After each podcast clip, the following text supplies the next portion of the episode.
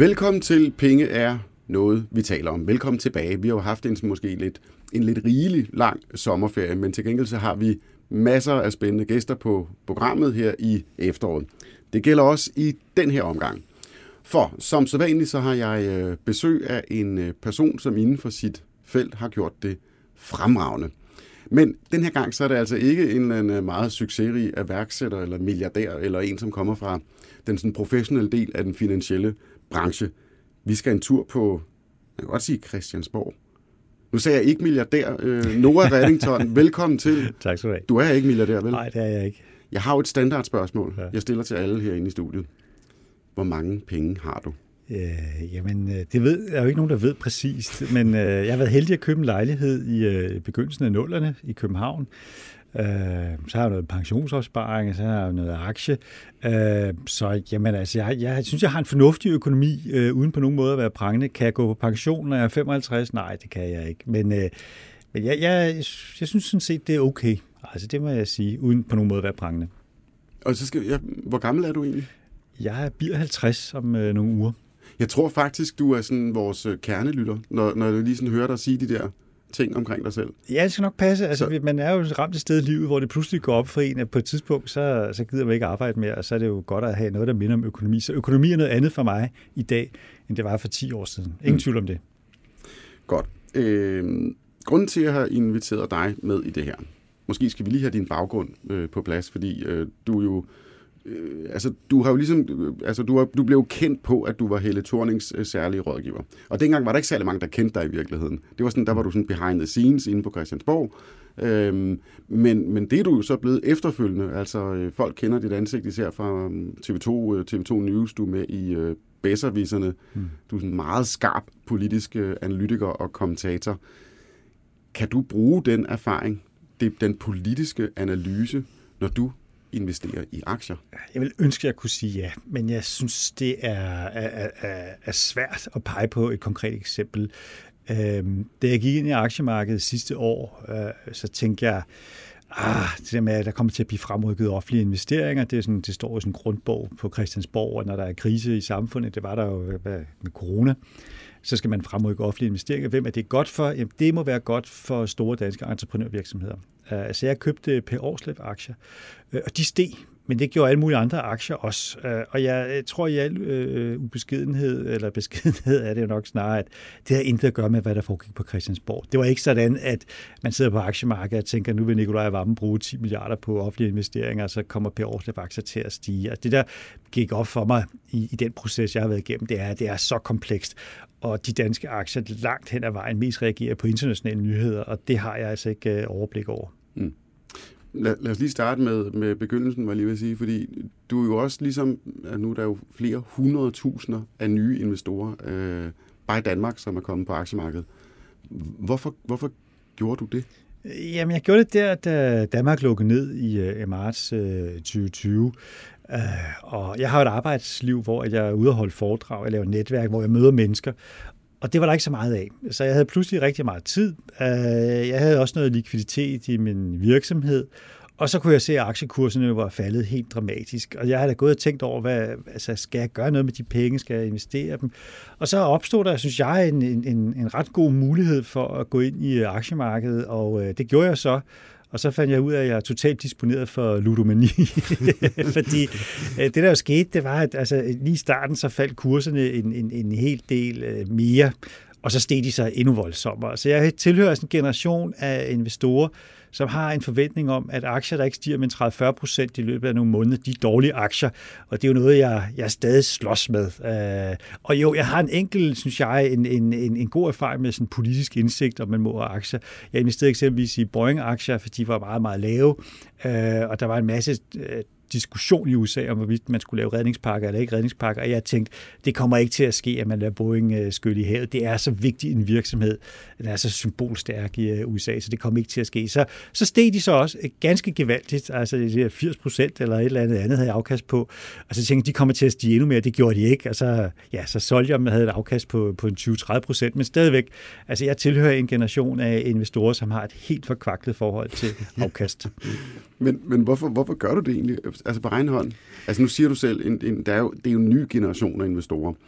Øh, altså tidligere, så var det jo sådan, så gik man ned i banken, så mødte du med, med en, en bankrådgiver og en investeringsrådgiver, og så blev man enige om, at man skulle købe noget et eller andet, en investeringsforening med danske aktier, lidt fra Europa og lidt fra, fra hele verden. Du gik bare, du åbnede netbanken, så gik du i gang.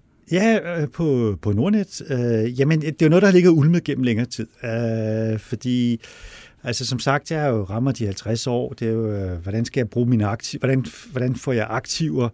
Øh, det kan man gøre på ejendomsmarkedet, men også med aktier. Jeg har aldrig haft aktier før, ud over det, jeg har haft i mine, gennem mine pensionsopsparinger, som jeg ikke har forholdt mig specielt meget til øh, investeringsforeninger, jo, så skal du betale for det. Øh, der, og så var der altså den her situation, hvor at, at det var ret indlysende, at de aktier, at de ville komme til at stige igen. Øh, så for mig var det sådan relativt let, og så, så det ene tog det andet, og så i løbet af, ja, nogle måneder, så havde jeg egentlig fået investeret en hel del. Men, men hvordan, øh, altså, har du læst op på det? Fordi du, du forekommer mig som en meget grundig øh, person. Jamen, altså, jeg har læst op på det i den forstand. jeg har kigget på altså, alle de beregninger, der er. Man har et eller andet gennemsnitligt afkast på fem år over tid. I, men det er jo gennemsnitstal. Øh, øh, men det havde jeg ikke, altså rent sagt, jeg havde ikke læst op på det. Øh, jeg har fulgt med øh, virksomheder, der var interessante, øh, men egentlig ret spredt, og nogle af investeringerne, altså det var rent udsagt også for sjov, eksempelvis investerede jeg i Goldman Sachs, det synes jeg var enormt morsomt. Hvorfor det? Ja, fordi der var så meget polemik omkring uh, Goldman Sachs i forbindelse med, med salget af aktier i, uh, i Dong tilbage i, i 2014. Og jeg, jeg synes på en eller anden måde, det var sjovt så at være medejer af Goldman Sachs. Men dem solgte jeg så også igen, uh, alt, alt for alt for billigt i forhold til, hvis jeg havde holdt fast. Uh, nej, jeg synes ikke, jeg havde på det måde lavet specielt research. Det, jeg gjort, og det er jo nok lidt pinligt at afsløre, det var, at jeg kiggede meget på øh, tidligere, altså hvad, hvad var kursen før? Havde der været en høj stabil udvikling? Havde den ligget højt øh, igennem lang tid? Øh, og var den så faldet meget? Så tænkte jeg på, at verden kommer jo til at blive nogenlunde den samme igen. Øh, så der er et potentiale her. Så jo mere den var faldet, jo, jo mere øh, interessant synes jeg, den var. Eksempelvis investerede jeg i, i Frankfurt Lufthavn, fordi jeg tænkte, jo, det flyen står stille nu, men på et eller andet tidspunkt, så kommer vi jo til at flyve igen. Øh, og, dem havde jeg investeret en hel del penge i for mit vedkommende, og de steg bare ikke nok, og så solgte jeg dem, og jeg skulle bare holde fast, fordi at øh, mange af de lufthavnsaktier og hele luftfartsindustrien, altså de dage op til der kom en melding om, at der var en vaccine på vej, så skød de jo i vejret, men, men det er nok historien om øh, mine aktier, at øh, at jeg købte en hel masse på det rigtige tidspunkt, og så har det været svært at sælge på det rigtige tidspunkt. Mm.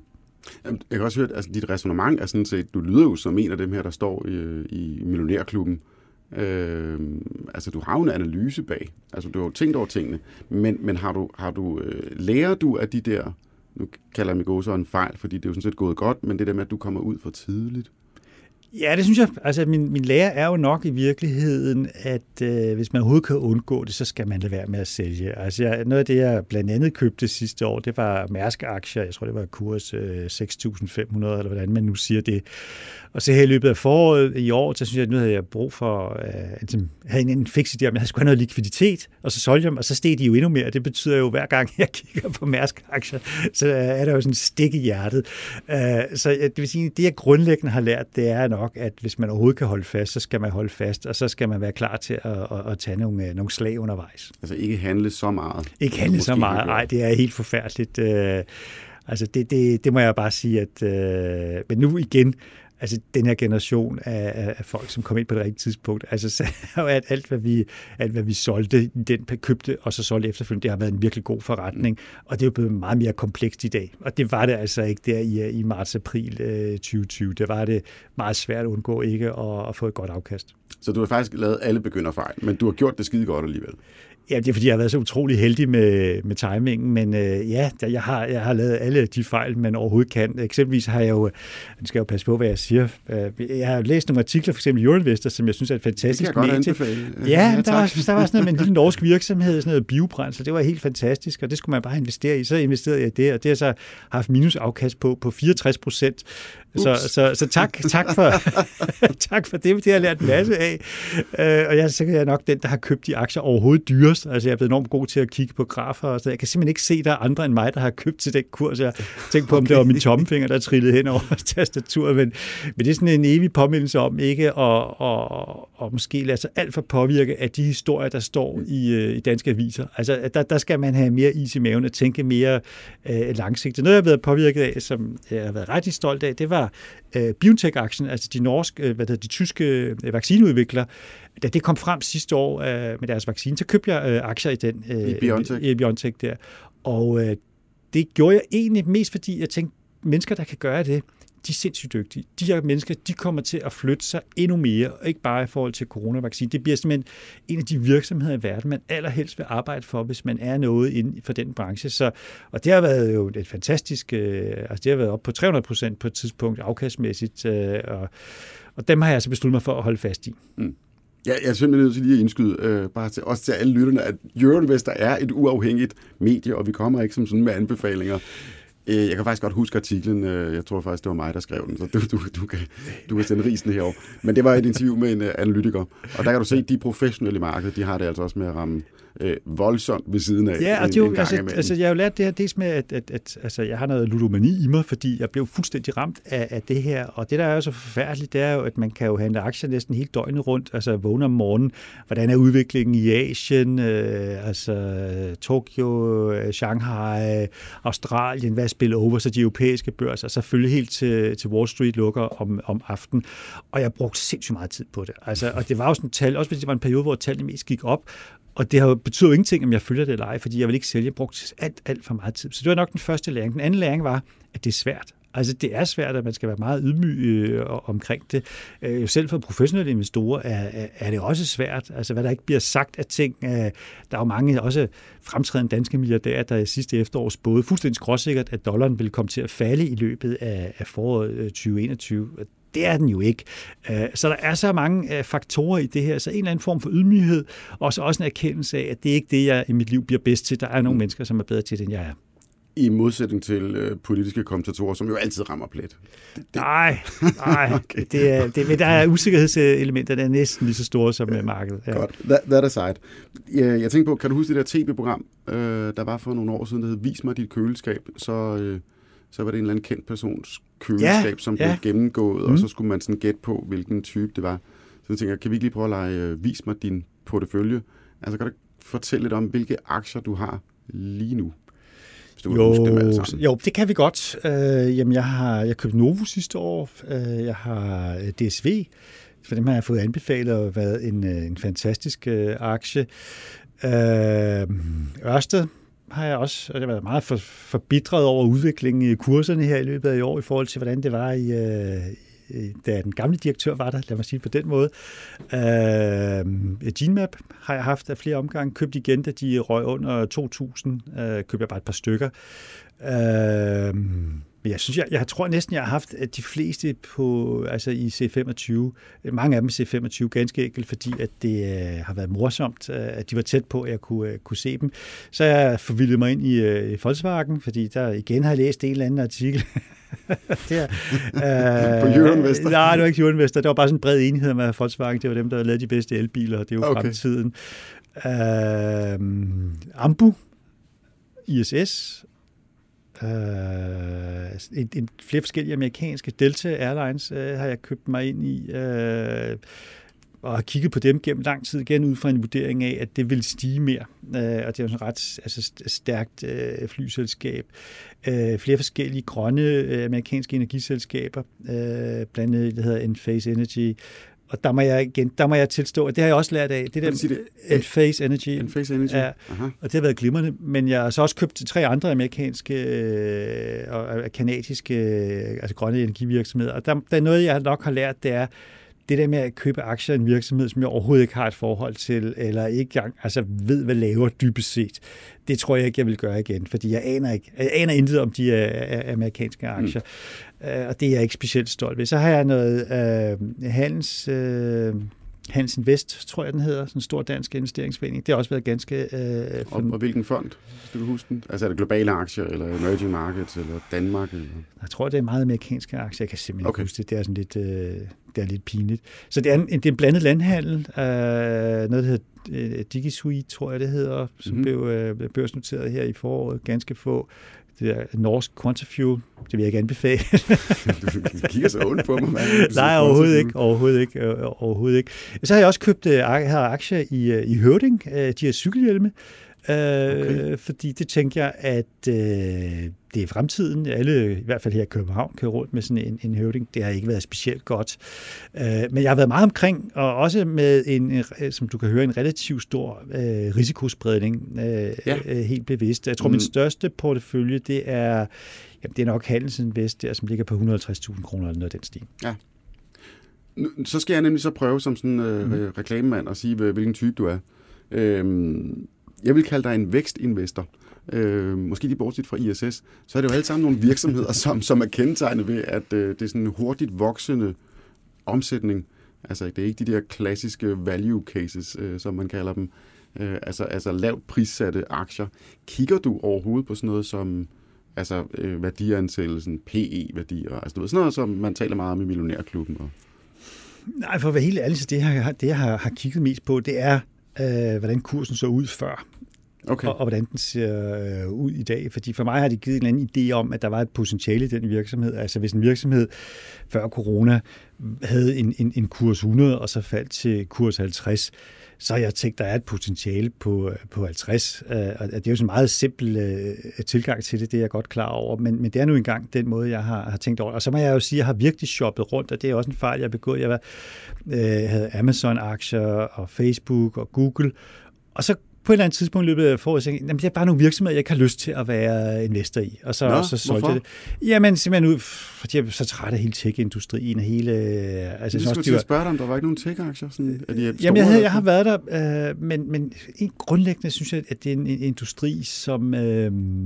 som har nogle store udfordringer og nogle problemer, som jeg ikke har lyst til at, at være en del af. Og det er altså på mange måder det er lidt irrationelt, fordi det har jeg jo så gennem en investeringsforening, men der træffet den beslutning i forhold det, det er bare, det vil jeg ikke være en del af. og jeg har selvfølgelig fortrudt, at jeg ikke altså købte ret Tesla. sjovt. Okay, det er svært, ja. Det er svært at lige pinpointe, hvilken Ja. investortype du er, fordi ja. Det er ret skægt det her med, at du køber Goldman Sachs. Ja, ja, men det var for Fordi sjov. det- det er Ja, men det var for totalt- sjov, ja. Anti-ESG, altså anti-opfør dig ordentligt. Ja, det var så øh, min, det var min, det var min fjolleperiode. Der havde jeg okay. også øh, Facebook-aktier, og så på et tidspunkt tænkte jeg, "Ej, nu stopper det. Altså, Okay. bare ud af det. Ja. Øhm, fordi det er jo faktisk det her ESG, øhm, altså miljø, klima, social ansvarlighed, og, og at øh, selve virksomheden har en ordentlig ledelsesstruktur, øh, med der, øh, du ved, der skal være adskillelse mellem bestyrelse og direktion, aktionærer osv. Alt det her. opført dig ordentligt investering, som jeg kalder det.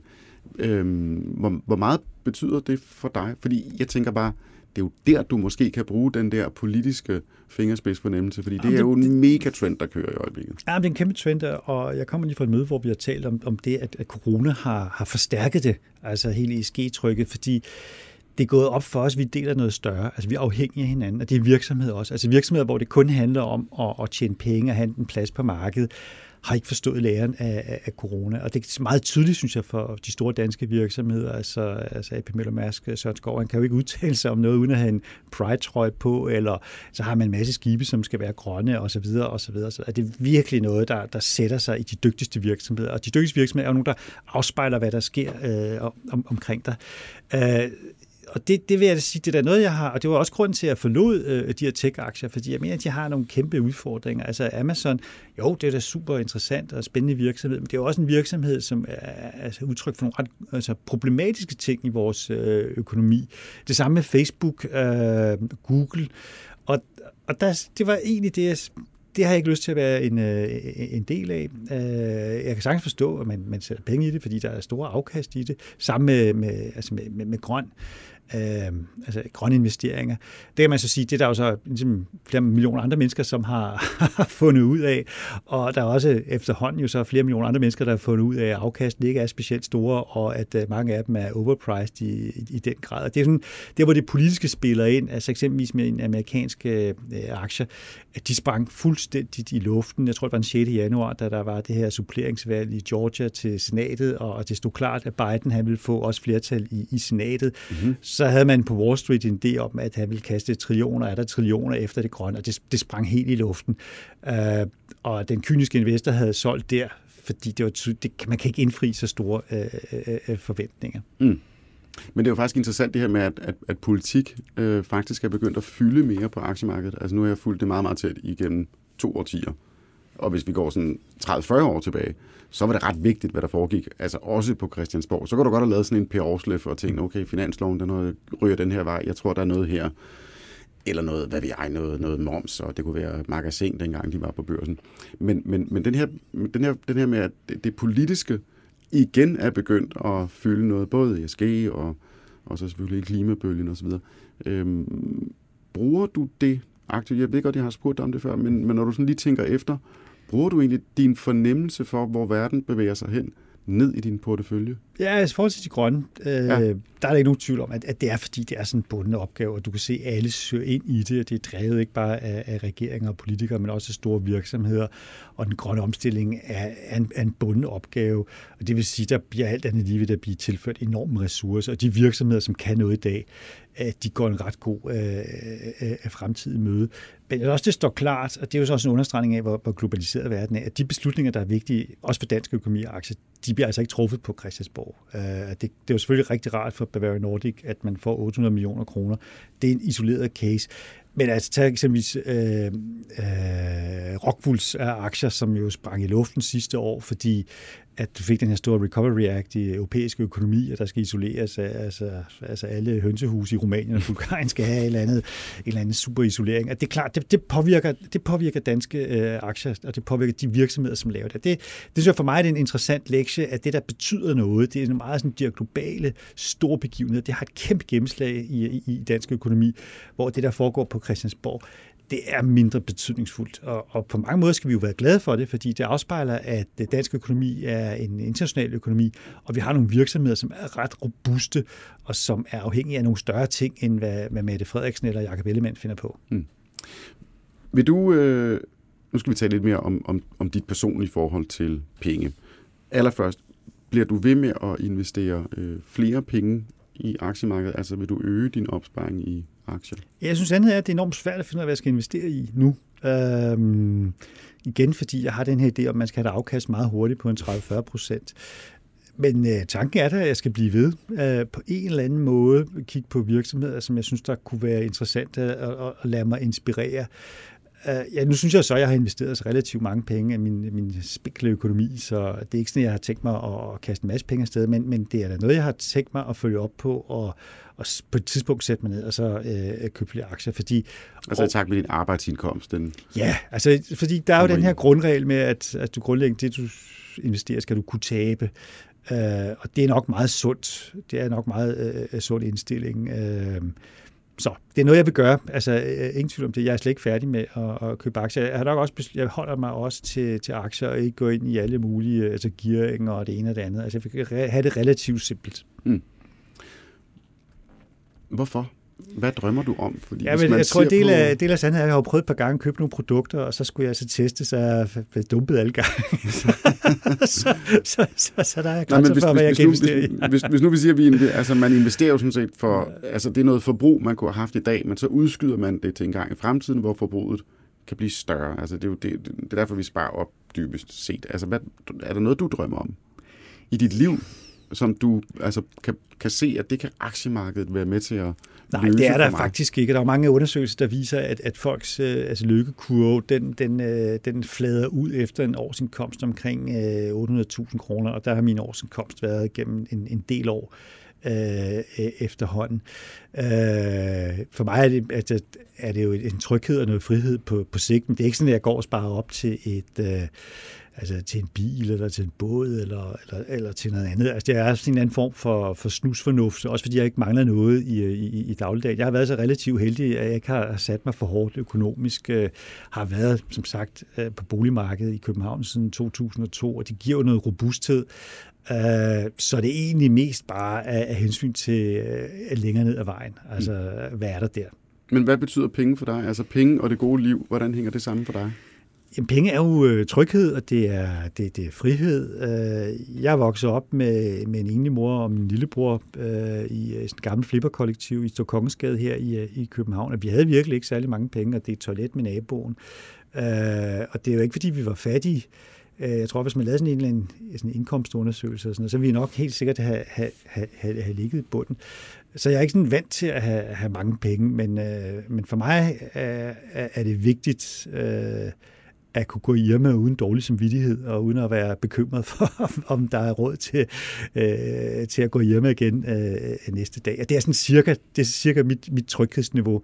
Altså jeg har ikke øh, dyre vaner, jeg har ikke nogen bil, jeg har ikke noget øh, kørekort. Øh, så, så for mig det, handler det egentlig mest om, om tryghed og, og noget, noget frihed. Og så har det, synes jeg, været intellektuelt interessant ligesom at, at dykke ned i det her, fordi det er, et, øh, det er en anden verden, end den jeg kommer fra. Og det har jeg jo også fundet ud af, at det er jo et kæmpe fællesskab. Altså, folk elsker at tale om det her. Altså, det er virkelig, det er virkelig noget, der optager øh, danskerne, og øh, jeg har skrevet lidt om det i min, jeg har en klum i politikken, og hvad jeg ikke har fået respons på den. Altså, man kan skrive en hel masse om minkskandaler og EU-politik. Folk vil meget hellere tale om aktier. Mm. Hvorfor tror du, det er blevet sådan? Fordi det er spændende, fordi det er... Øh, det har det jo altid været. Ja, det er jo 400 men, år gammel øh, Men der er jo den her, altså det her med, at du kan gøre det helt online, at du kan sidde på din mobiltelefon, kigge på kurser, du kan følge, hvad der sker her og nu, at øh, du kan spille, så at sige, øh, med de bedste. Det er jo sådan en form for, altså et, for mange mennesker er det jo sådan en form for computerspil med, altså, med, med, med store gevinster, store tab øh, her og nu. Det appellerer til alle, alle, der har bare en gnist af noget ludomani i sig. Det er jeg slet ikke i tvivl om. Mm. Du fik lige sagt i en bisætning, at, at penge også giver dig frihed. Hvordan mener du egentlig det? Nej, men det er da vigtigt, at man, kan, at man i store træk ikke skal bekymre sig øh, om, hvad man bruger sin tid på. Altså, jeg, altså, jeg arbejder, jeg er nødt til at arbejde, jeg elsker mit arbejde. Jeg synes, det, det er enormt skægt, jeg er meget privilegeret af arbejdsliv, men det der frihed, at man kan sige, at nu, nu tager jeg på ferie. Altså, at jeg kan holde øh, seks uger sommerferie, for mig er jo enormt privilegeret, og det har da noget at gøre med, at, øh, at jeg har råd til det, øh, og har valgt at, at, at bruge mine, øh, mine penge blandt andet øh, på det. Og det synes jeg altså er relativt øh, er banalt, og der er noget omkring øh, penge og frihed, man, øh, man, skal, man skal huske på. Og som sagt, altså, jo ikke, fordi rige mennesker er nødvendigvis er, er lykkelige, det er jeg helt bevidst om, men det giver jo altså lidt ekstra, at man har mulighed for at, at bestemme selv, hvad man øh, vil i sit liv. Mm. Jeg, jeg talte meget med øh, os i den samme podcast her. Dem kan I jo gå ind og, og downloade. De ligger på Spotify og iTunes, og hvor man nu finder sin podcast. Øh, med, med både Lars Tvede og, og André Rogaszewski fra, fra Netcompany. Øh, netop det, du også nævner, at øh, du sagde, at grænsen ved 800.000 omkring der, så, så stopper lykken med at stige sådan i samme hastighed, som, som pengene vælter ind. Øh, jeg tror, øh, André han kalder det BMW 3-serie-syndromet. Altså i det øjeblik, man har råd til en BMW 3-serie, så slår de fleste op af banen, øh, glemmer, at der også findes en Porsche 911 eller en Ferrari og en båd, og at, at man kan skabe så utrolig meget med penge. Det var noget, han øh, mm. selv går meget op i. Skabe arbejdspladser, mere vækst, altså se noget vokse, vokse, vokse. Øh, det er egentlig det, der tænder ham. Øh, hvor, hvorfor Øh, jeg er nok øh, mere som dig. Det, det er ikke sådan, at jeg øh, blømmer dig, når jeg spørger dig. Hvor, hvorfor tror du, at du har det sådan, ja, det er sgu egentlig meget godt. Jeg har ikke øh, brug for den der skide Porsche. Jeg har ikke brug for at ansætte 100 mand i morgen. Jamen, hvis jeg havde haft, altså, hvis jeg havde haft det drive, så havde jeg jo lavet noget andet. Altså, så har jeg jo læst øh, økonomi. Det, der har været altså, drivkraften, det har været mit drive, sådan professionelt, men jo også sådan, altså, personligt, det har været det politiske. Altså, det har det altid været. Altså samfundet, hvad er, det, hvad er det, der gør, at vi er, som vi er her i Danmark? Hvordan kan det blive bedre? Hvad kan gå galt? Hvad er vores, øh, hvad er vores historie? Det, der, det har været det, der har, har givet mig min intellektuelle øh, altså stimuli, som har, har præget mig. Det er jo de mennesker, jeg har, har søgt imod. Og jeg tror, hvis man virkelig skal øh, skabe noget, som, som Tvede eller Rokashevski, så skal det også være drive, du har. Øh, altså, det er jo ikke noget, man kan... Altså, du kan ikke bare beslutte dig for det. Du skal mere end beslutte dig for det. Altså, det skal være det vigtigste i dit liv. Og det vigtigste i mit liv har jo været politik. Altså, det har det været. Ellers så har man heller ikke kunne lave de ting, som øh, jeg har lavet, som ikke virkelig er parat til at, at, at, at bruge tid på det. Og, og den valuta, som øh, man kan sige, jeg kan måle min karriere op i, det er jo blandt andet handlet om, at jeg har arbejdet i, i statsministeriet og været tæt på nogle meget interessante ting. Og de har jo så en helt anden øh, valuta, og det kan man da godt ærge sig over i dag, at, at, at man ikke kan konvertere den ene valuta til den anden.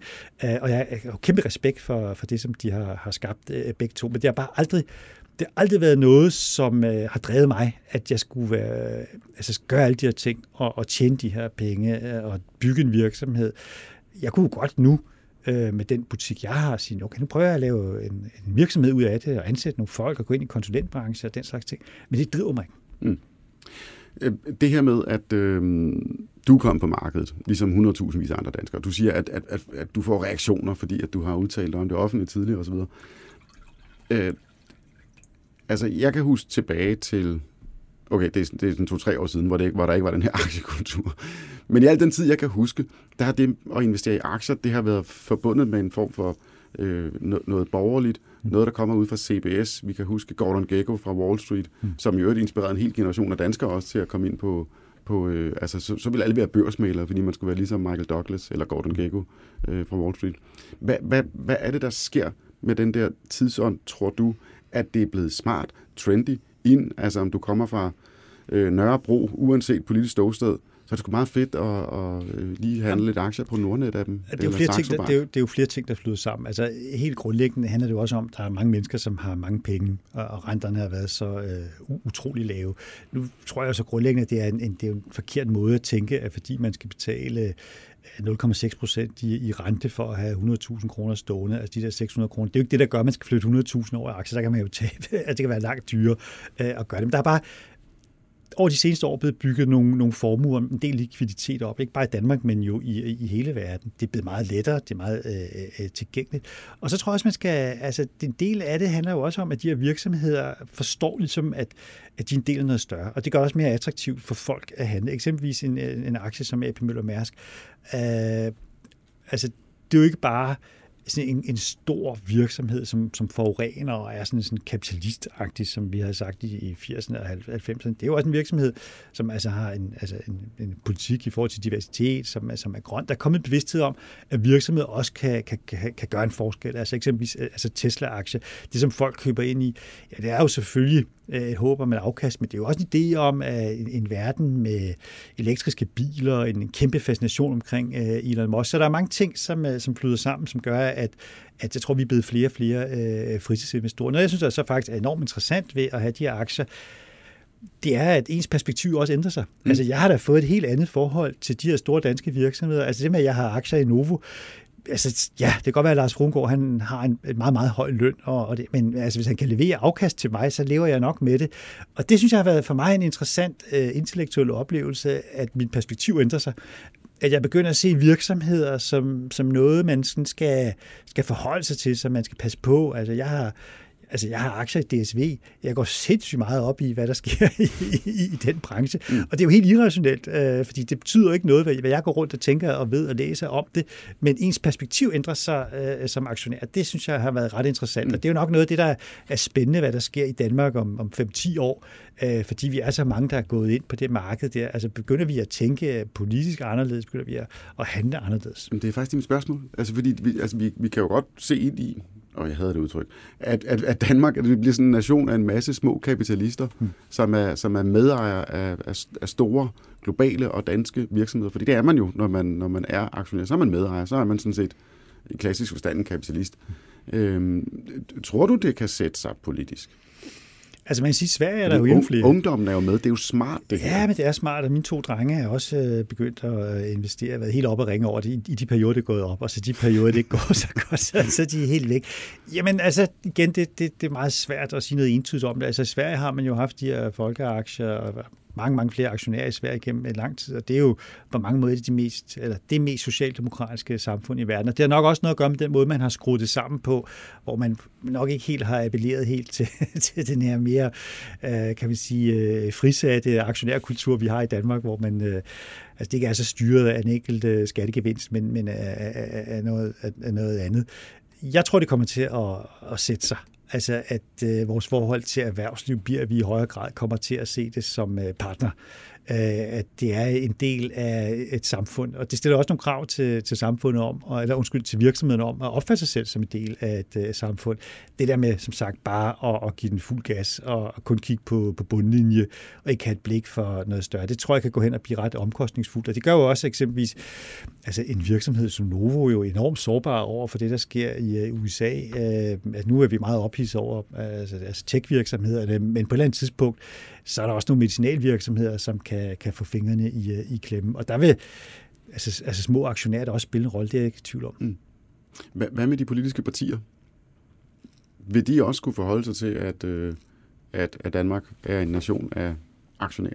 Nej, men du kan sige, der er jo en helt konkret diskussion om altså beskatningen, altså, Ja, hvor er det der lige nemlig. præcis øh, de loft øh, øh, skal ligge. Det kunne jeg da godt forestille mig, at øh, altså, hvis jeg var et borgerligt parti, så ville jeg da blive ved med at øh, appellere til, øh, at, at man gør det relativt begunstiget for de første 100.000. Og det er jo i forvejen ret, øh, ret attraktivt at, at, at tjene penge på aktieafkast i forhold til arbejdsindkomst. Men jeg vil da køre den dagsorden helt i bund. Øh, fordi jeg tror, at der, ja, sådan har jeg da selv haft stik. Hvor, hvorfor skal jeg betale skat af det? Altså, jeg har jo lavet en øh, kæmpe risiko, øh, det er jo en kæmpe investering, jeg har lavet. Jeg kunne have tabt det hele. hvorfor, skal jeg betale, Præcis. hvorfor skal jeg betale skat af det? Den oplevelse, den tror jeg, at der er mange mennesker, som, øh, øh, øh, som deler, og der vil jeg som borgerlig parti øh, stå meget mere på mål for, for det, og jeg tror også, at Socialdemokratiet på et tidspunkt kommer til at skrue lidt ned øh, for det, fordi sandheden er jo, at rigtig mange af de mennesker, som er gået ind i aktiemarkedet, det er jo helt almindelige øh, lønmodtagere, som har lidt øh, friværdi, som måske har arvet nogle penge, og når de får den oplevelse, hvorfor skal jeg betale skat af det, så er det noget, der vil, det vil sætte sig. Øh, du har jo lidt den samme diskussion i forhold til arveafgift, øh, hvor at, at de fleste mennesker, som det er jo heldigvis ganske få gange, man arver noget i sit liv, men jeg tror, det kommer bag på langt de fleste, at man faktisk skal betale arveafgift øh, ud over et, et sådan relativt øh, øh et lille beløb.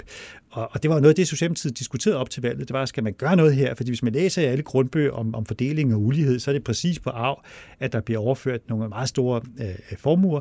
Og det gik man jo rode med, men sandheden var, at man havde ikke lyst til at røre ved det sådan grundlæggende, fordi at du kommer til at ramme en hel del øh, almindelige mennesker, og det er der ikke nogen af de store partier, der vil. Mm. Jamen, Og nu bliver det meget anekdotisk, fordi altså, min egen erfaring med, med os, øh, hvem jeg kender, er folk, der er øh, betydeligt yngre end mig, øh, som ligger i de der politiske felt, de stemmer enhedslisten, radikale SF og sådan noget. De, alle de der feel-good-holdninger over på venstrefløjen. Øh, de handler sgu også aktier. Øh, og så, så, vil det måske, så vil det måske have en grøn profil, altså kører man Vestas og Ørsted.